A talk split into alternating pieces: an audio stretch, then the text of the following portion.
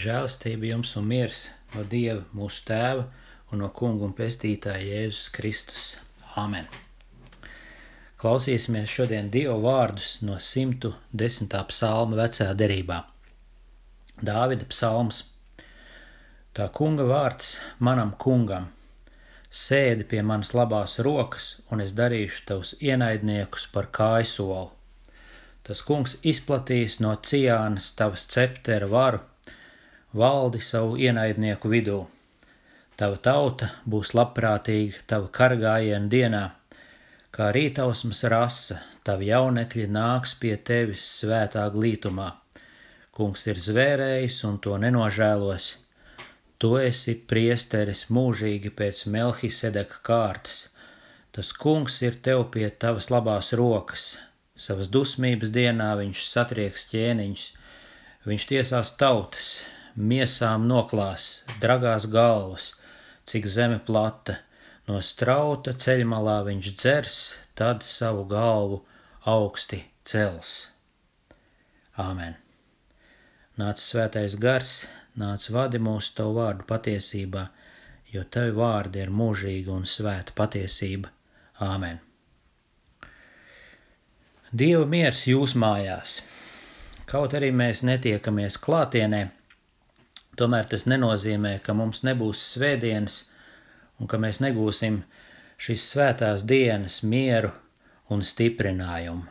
Nē, mēs to gūsim, un mēs to gūstam šodien lasot 110. psalmu, šo psalmu, kam ir ļoti svarīgs saturs, kas ir viens no pašiem citētākajiem, visvairāk lietotajiem psalmiem jaunajā derībā. Liksim šo psalmu šodien pie sirds, šī psalma svētību, tā spēku un garīgo bagātību, jo šis psalms mums, protams, runā par Kristu, un psalma piepildījums ir Kristū, un tāpēc šis psalms ir īpaši skaists, dziļš un noslēpumains. Mēs dzirdējām, šo psalmu savukārt savulaik sacerēja ķēniņš Dāvids, lielais valdnieks un dziesminieks, lielais gans un karotājs. Viņam Dievs piešķīra īpašu pravietisku balsi. Ieklausīsimies dziļāk šajā psalmā. Atklāsim to, kāpēc tas ir tik nozīmīgs. Arī mūsu kungs Jēzus Kristus izmantoja šo psalmu kādā zīmīgā brīdī, kad pats bija ienaidnieku un nelabvēļu ielēgts, kad tie viņam uzmācās ar dažādiem strīdīgiem, karstiem, aktuāliem jautājumiem par visu romiešu politiku, par nodokļu maksu, par augšām celšanos un tam līdzīgi. Bet uz visiem šiem jautājumiem Jēzum atradās kāda trāpīga atbilde, un viņš aizbāza viņiem mutis. Viņš atbildēja kā tāds, kuram ir vara un autoritāte, kuram ir dziļākā atziņa un dievbijība, kā tāds, kura vārdos ir vislielākais spēks. Un taču nākamajā brīdī mēs redzam ko interesantu. Jēzus pēkšņi apgriezās un teica viņiem: Ļaujiet, es jums ko vaicāšu, un prasīja par šī psalma vārdiem. Tas kungs, Dievs, saka manam kungam: Sēdies pie manas labās rokas, tiekams es lieku tavus ienaidniekus par pameslu tavām kājām. Kāpēc Jēzus izvēlējās šos vārdus? Kāpēc šie vārdi ir tik svarīgi? Atcerieties, tos saka Dāvids, spožais un varenais jūdu valdnieks. Viņš saka, Dievs saka manam kungam, un tūlīt rodās jautājums, ja Dāvids bija tāds dišs kungs, par kādu savu kungu viņš šeit runāja? Bet arī paši jūdi jau to zināja, ka šie psalmi bija nākotnes apsolījumi, ka Dāvids šeit runāja par savu pēcnācēju, par Dāvida dēlu. Lūk, tas būs tas gaidītais kungs. Viņu sēdinās pie dieva labvēlības labās rokas, lai tas valdītu pār visiem saviem ienaidniekiem. Mēs varam padomāt, ko citu Jēzus šai sarunā mācīja, kā noskaidrot šī gaidāmā valdnieka Kristus identitāti. Tātad Jautājums ir par to, kas ir tas, kas nāks un kas valdīs. Un ja mēs varam padomāt un attiecināt to uz šodienu, ka arī šodienas juceklīgajos un haotiskajos laikos mums zīmīgā kārtā ir vajadzīgs tas pats atgādinājums, kas toreiz. Mums ir jāatgādina, kas tad īsti valda pāri visam, kam pieder galējā vara un autoritāte, kam pieder tas varas zizlis savu ienaidnieku vidū. Jā, kas ir ticis sēdināts pie debesu labvēlības labās rokas un kas no turienes valda? Tāpēc šis psalms mums ir tik ļoti noderīgs arī šodien, jo tas parāda Kristus valdīšanas patiesos mērogus un viņa valdnieka raksturu, lai mēs patiešām saprastu, kādu brīnumainu kungu un valdnieku Dievs mums ir devis un sūtījis, kurš reizē ir cilvēcīgs, bet reizē arī dievišķs. Jo tieši to farizēji arī bija pārpratuši. Viņi bija pārpratuši gan svētos rakstus, gan gaidāmā valdnieka būtību. Tie skatījās uz Jēzu un nenovērtēja, tie nenovērtēja viņa spēku un viņa valdīšanu. Tā problēma bija tāda toreiz, un tā problēma ir tāda arī šodien. Cilvēki nenovērtē dievu valdīšanu. Mēs raugāmies apkārt pasaulē, mēs raugāmies visādās laicīgās cīņās, kādas netrūkst arī mums šodien. Mēs ar tām ļoti aizraujamies, mēs ieņemam kādas puses un stingras pozīcijas, un tad mēs iedomājamies, ka pašam dievam vajadzētu atbalstīt mūsu cerības un ambīcijas šajās laicīgajās cīņās. Būtībā mēs ievietojam dievu it kā savu šauro interešu un uzskatu kastītē. Tā tas toreiz notika ar jūdu farizējiem, kas gaidīja īsto jūdu valdnieku, dievišķo mesiju, viņā saskatīja politisku laicīgu vadoni, būtībā parastu laicīgu varoni, kas nāks un viņus glābs. Tāpēc Jēzus šeit tik tieši viņiem arī saka un māca: Lūdzu, nemēģiniet dievišķo valdnieku ielikt savā kastītē. Mācieties saprast rakstus un dieva spēku, kāds tad ir, kāds tad būs Dāvida dēls, kas nācis no debesīm un kam jāatgriežas pie tēva labās rokas. Viņš nav tikai viens no skolotājiem, bet viņš ir pati dievišķā iemiesotā gudrība. Viņa valstība nenāk cilvēciski, bet ar dievišķu žēlstības spēku, kur nevis cilvēki paši sev izvēlās valdnieku, bet valdnieks izvēlās sev ļaudis. Tātad Jēzus saka, nevis jūs pārvaldīsiet mani, bet es valdu jūs. Citiem vārdiem, kā toreiz, tā šodien, Jēzus nāk un salauž mūsu cilvēciskos priekšstatus par Dievu valdīšanu. Jo tas, ko par Dievu mēs varam zināt, mums ir jāsaskata Jēzus personā. Mums tas jāierauga arī no šī psalma, jo savā kastītē mēs viņu neieliksim un to mēs redzam, ka viņš izskatās vājš cilvēku acīs, un šis Dāvida pēcnācējs izskatās gaužām cilvēcīgs. Tomēr Jēzus saka: nemaldiniet sevi. Viņš ir valdnieks, viņš nes dievišķo zīzli, viņam pieder dievišķais scepters, jo viņš ir tas, kas valdīs ne tikai pār visiem ļaudiem, ne tikai pār visiem dievu pretiniekiem, bet savā varenībā viņš pak pakļaus pašu grēku, ļaunumu un nāvi. Tātad viņš būs valdnieks visās pretišķībās, pāri visiem ienaidniekiem. Tāds valdnieks un tāda valdīšana šeit ir aprakstīta, un tas ir pirmais šī psalma vēstījums.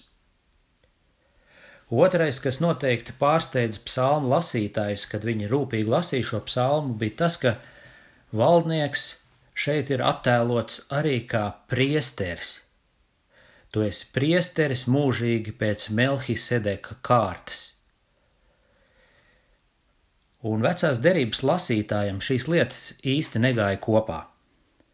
Ja tu esi ķēniņš, tad tu esi spēka, tiesas un valdīšanas pildītājs. Tas ir tāds amats, kuram rokā ir varas zobens un zizlis, un tas nevarēja reizē būt arī priesteris, jo Valdnieks un priesteris ir divas dažādas lietas. Priesteris ir upuru un žēlastības nesējs, tam jābūt šķīstam, tīram, nevainojamam.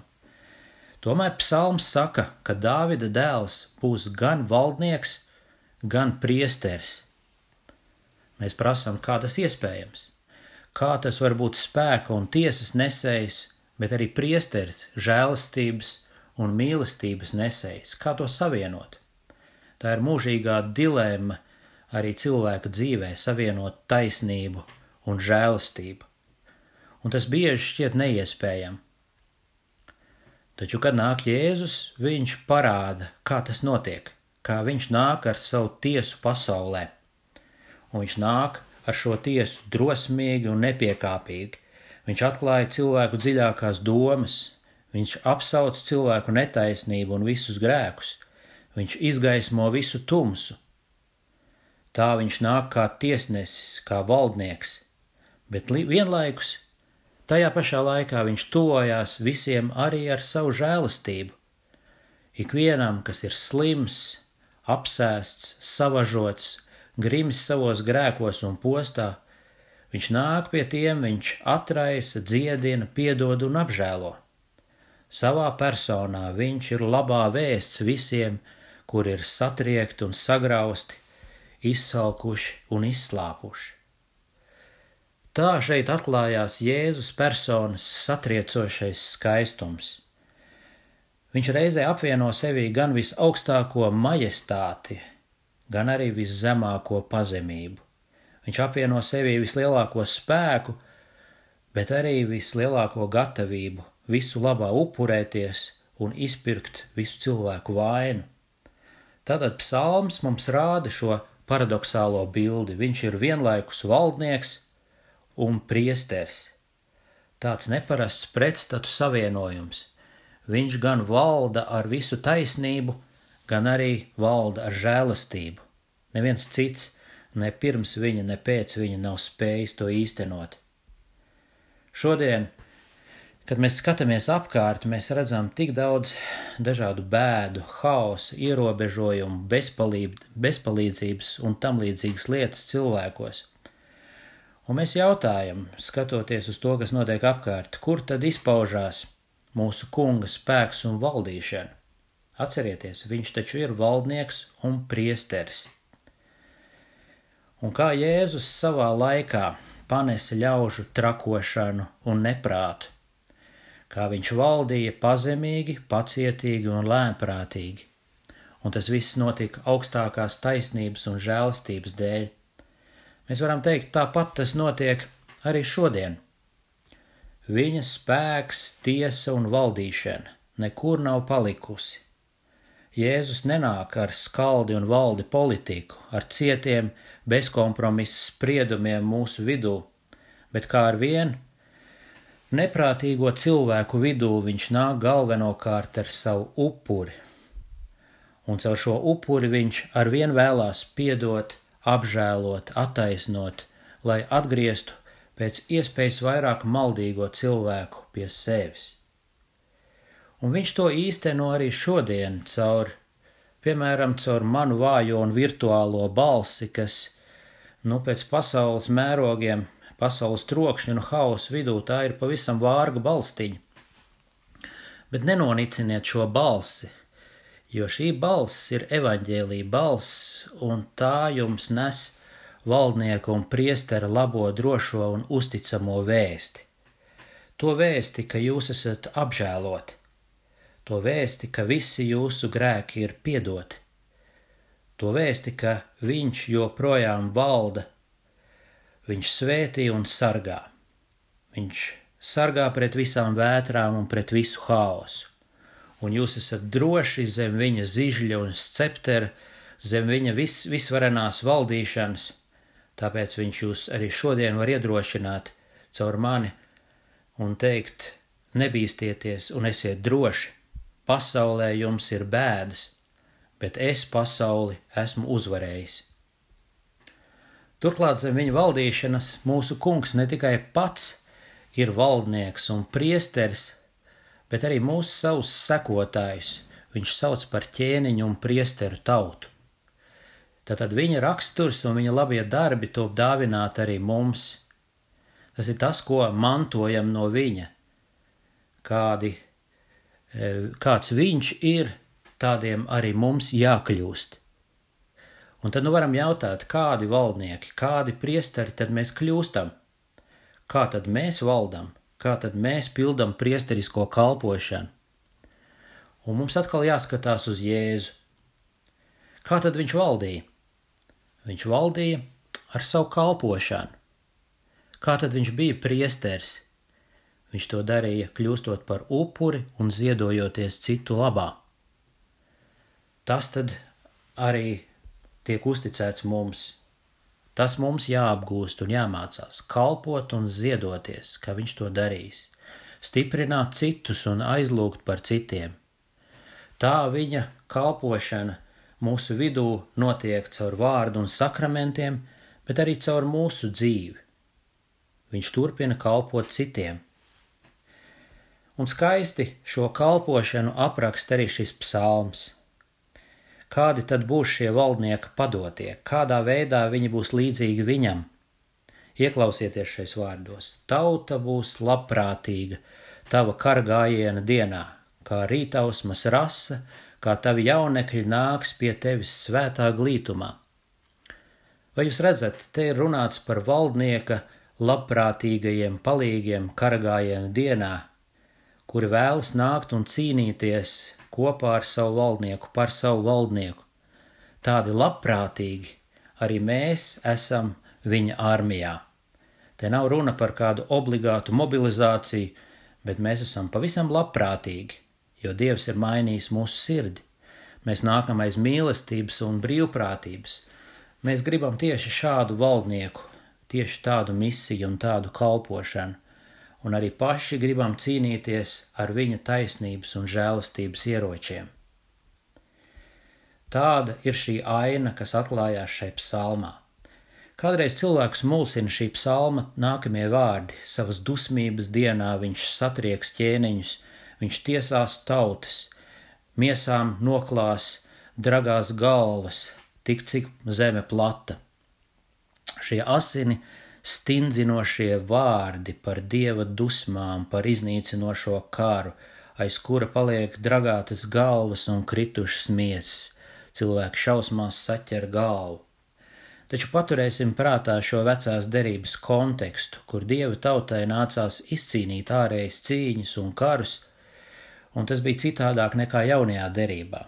Jaunās derības kontekstā mēs to varam drīzāk saprast kā beigu laiku postažu un pēdējo laiku nelaimes. Taču pagaidām ir, mēs dzīvojam žēlastības laikā.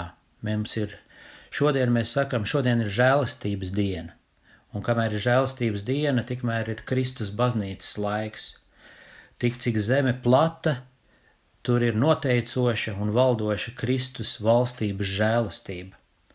Jo mēs zinām jaunās derības vēsti, ka kungs nevēlās grēcinieka nāvi, bet lai ik viens atgriežas un iemanto dzīvību. Vēl vairāk, mūsu kungs nevis grib satriekt galvas un noklāt zemi ar ķermeņiem, bet atcerieties, ko viņš pats darīja. Jēzus taču pats nolika savu galvu par mums, viņš nolika savu miesu par upuri mūsu labā, un tādējādi viņš dāvāja mums glābšanas pilnību.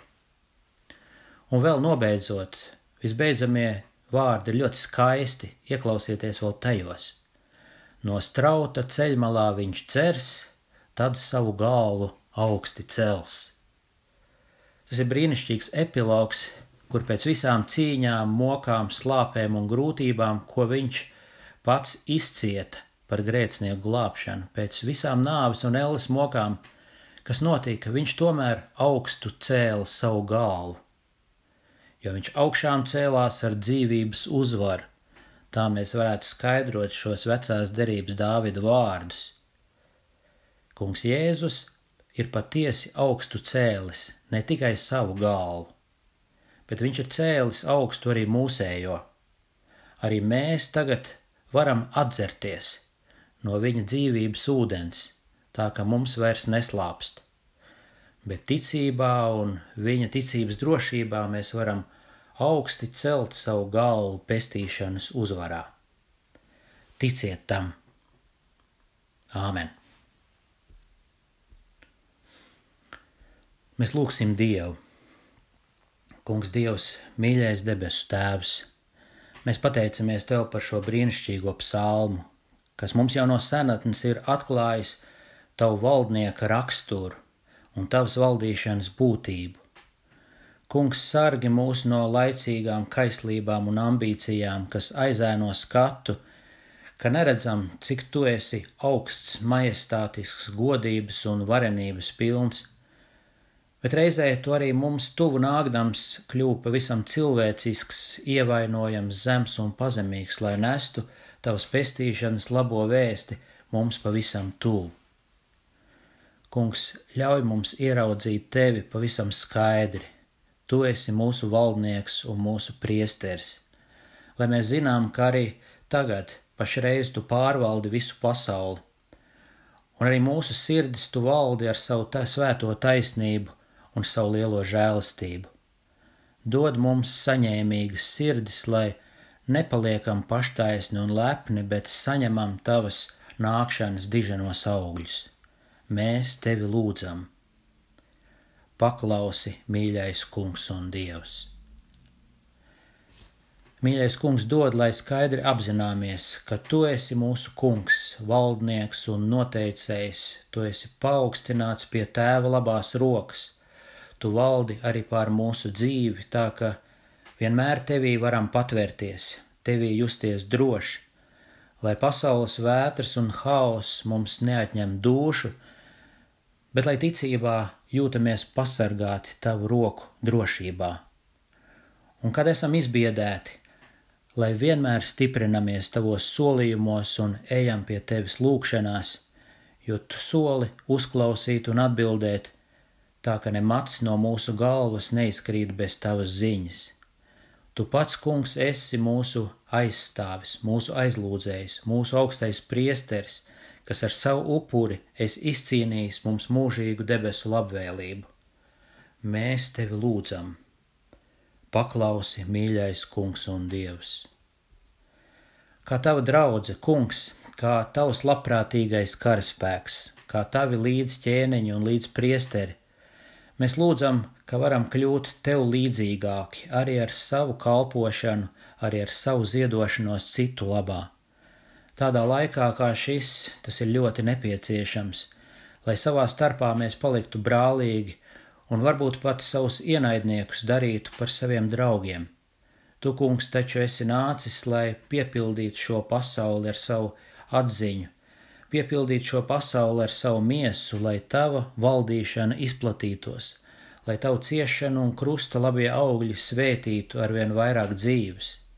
Svētī un sargā arī mūsu kungs šajā laikā, uztur draudzes vienotību, sargi no ļaunām saknēm, lai tās neizaug un neizpost ticību, stiprina mūs visus palikt tev cieši klāt un arī vienotiem savā starpā lai stiprinām, atbalstam viens otru, un lai jo drīz varam atgriezties pie vārda un sakramenta dievkalpojumu, pēc kā mēs vienmēr esam izslāpuši, lai stiprinātos debesu ceļā.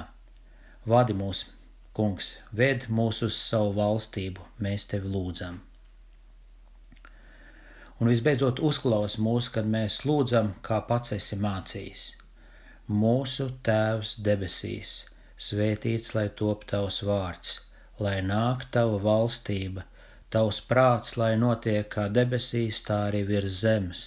Mūsu dienascho maizi dod mums šodien, un piedod mums mūsu parādus, kā arī mēs piedodam saviem parādniekiem, un neieved mūsu kārdināšanā, bet atpestī mūs no ļauna, jo tev pieder valstība, spēks un gods mūžīgi mūžos. Āmen! un Dieva miers, kas ir augstāks par visu cilvēku prātu un saprašanu, lai svētī un pasargā jūs sirdis un domas Kristu Jēzu uz mūžīgo dzīvošanu. Āmen! Tas kungs tevi svētī un pasargā, tas kungs apgaismo savu vaigu pār tevi, tas kungs pacēs savu vaigu uz tevi un dod tev savu mieru. Āmen!